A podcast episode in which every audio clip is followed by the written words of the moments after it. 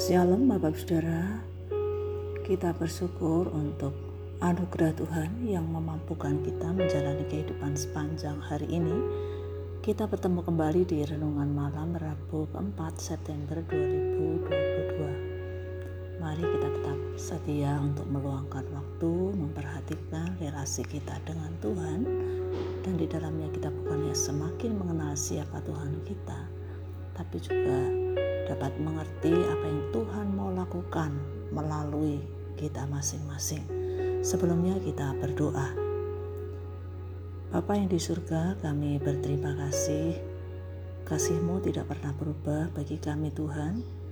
Kau sudah menolong kami, memampukan kami menjalani kehidupan sepanjang hari ini. Terima kasih untuk pengalaman-pengalaman yang Tuhan izinkan kami hadapi dalam kehidupan kami semuanya itu baik untuk kami.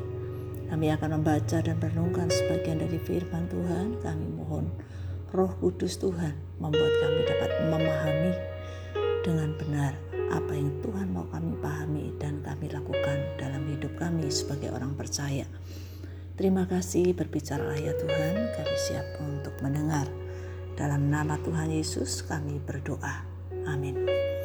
Mari kita melanjutkan pembacaan dan perenungan kita malam hari ini di kitab 1 Yohanes pasal 3 ayat 17 dan 18. Demikian firman Tuhan. Barang siapa mempunyai harta duniawi dan melihat saudaranya menderita kekurangan, tetapi menutup pintu hatinya terhadap saudaranya itu, bagaimanakah kasih Allah dapat tetap di dalam dirinya? Anak-anakku, marilah kita mengasihi bukan dengan perkataan atau dengan lidah, tetapi dengan perbuatan dan dalam kebenaran. Ada orang yang pandai mengungkapkan kasih, tetapi tidak melakukannya. Ada pula seseorang mengasihi sesama, namun dengan tujuan yang salah karena supaya mendapatkan pujian, dilihat orang lain, dan sebagainya.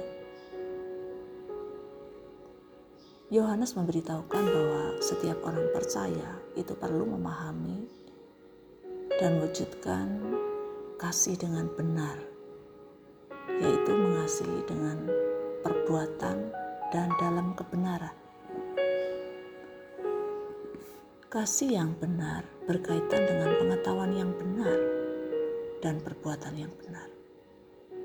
Kasih kita akan diuji apakah kita mengasihi sesama, mengasihi saudara yang dekat dengan kita. Yohanes memberikan contoh barang siapa mempunyai harta duniawi dan melihat saudaranya menderita kekurangan tetapi menutup pintu hatinya terhadap saudaranya itu, bagaimanakah kasih Allah dapat tetap di dalam dirinya? Ujian, salah satu ujian, bagaimana kita mengasihi saudara, itu berkaitan dengan materi.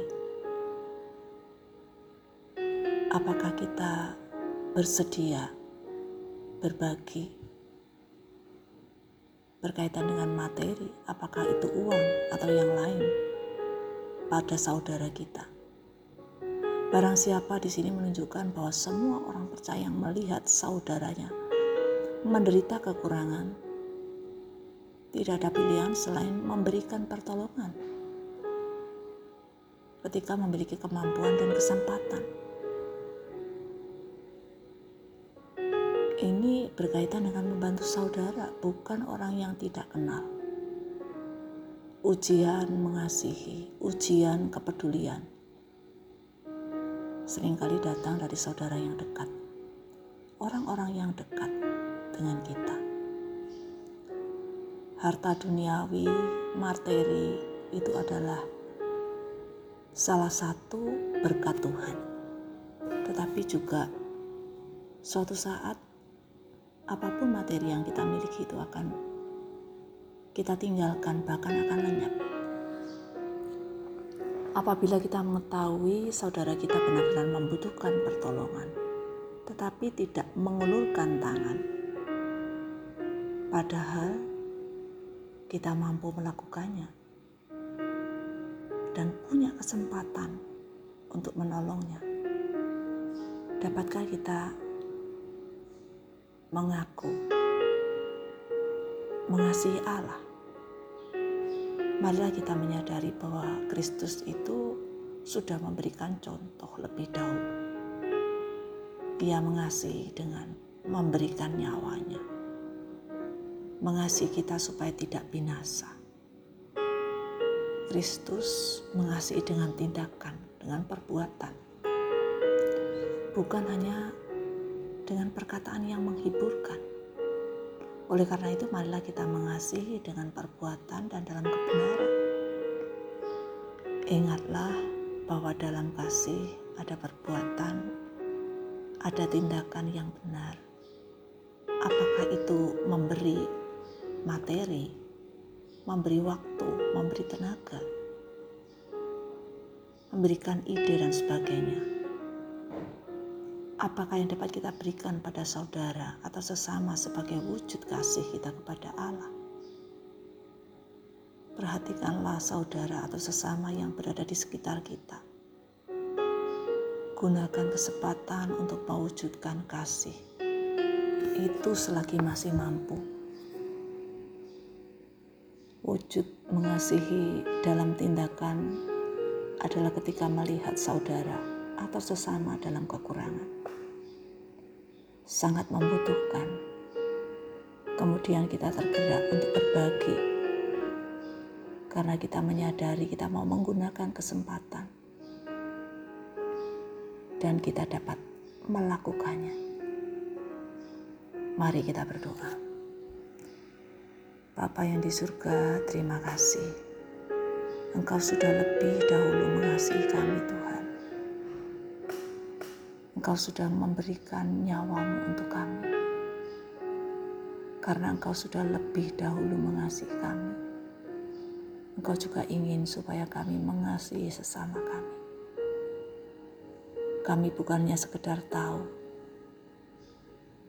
dikasihi itu menyenangkan. Menerima kasih, menerima kepedulian, menerima perhatian itu menyenangkan. Tetapi juga memiliki pemahaman yang benar bahwa ketika kami peduli pada sesama, itu juga menyenangkan. Tuhan pakailah kami menjadi alat di tangan Tuhan untuk menyatakan kasih-Mu pada sesama kami.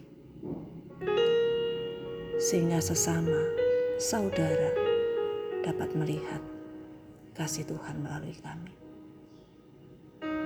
Terima kasih Tuhan, berikanlah kami hikmat dan kepekaan dalam menggunakan kesempatan yang Tuhan berikan menggunakan materi yang Tuhan titipkan untuk menjadi berkat bagi sesama kami. Bapa kami menyerahkan untuk sesama kami yang mengalami kekurangan di mana pun mereka berada. Kiranya Tuhan juga menolong mereka. Tuhan memberkati mereka. Bapa, kami juga menyerahkan hidup kami selanjutnya hanya kepada Tuhan Yesus yang sudah mengasihi kami dan akan selalu mengasihi kami sampai selama-lamanya. Hidup kami ada dalam rencana dan pemeliharaan Tuhan yang sempurna. Terima kasih Tuhan. Kami bersyukur berdoa di dalam nama Tuhan Yesus. Amin. Bapak Ibu sekalian, selamat malam, selamat beristirahat. Tuhan Yesus memberkati. Amin.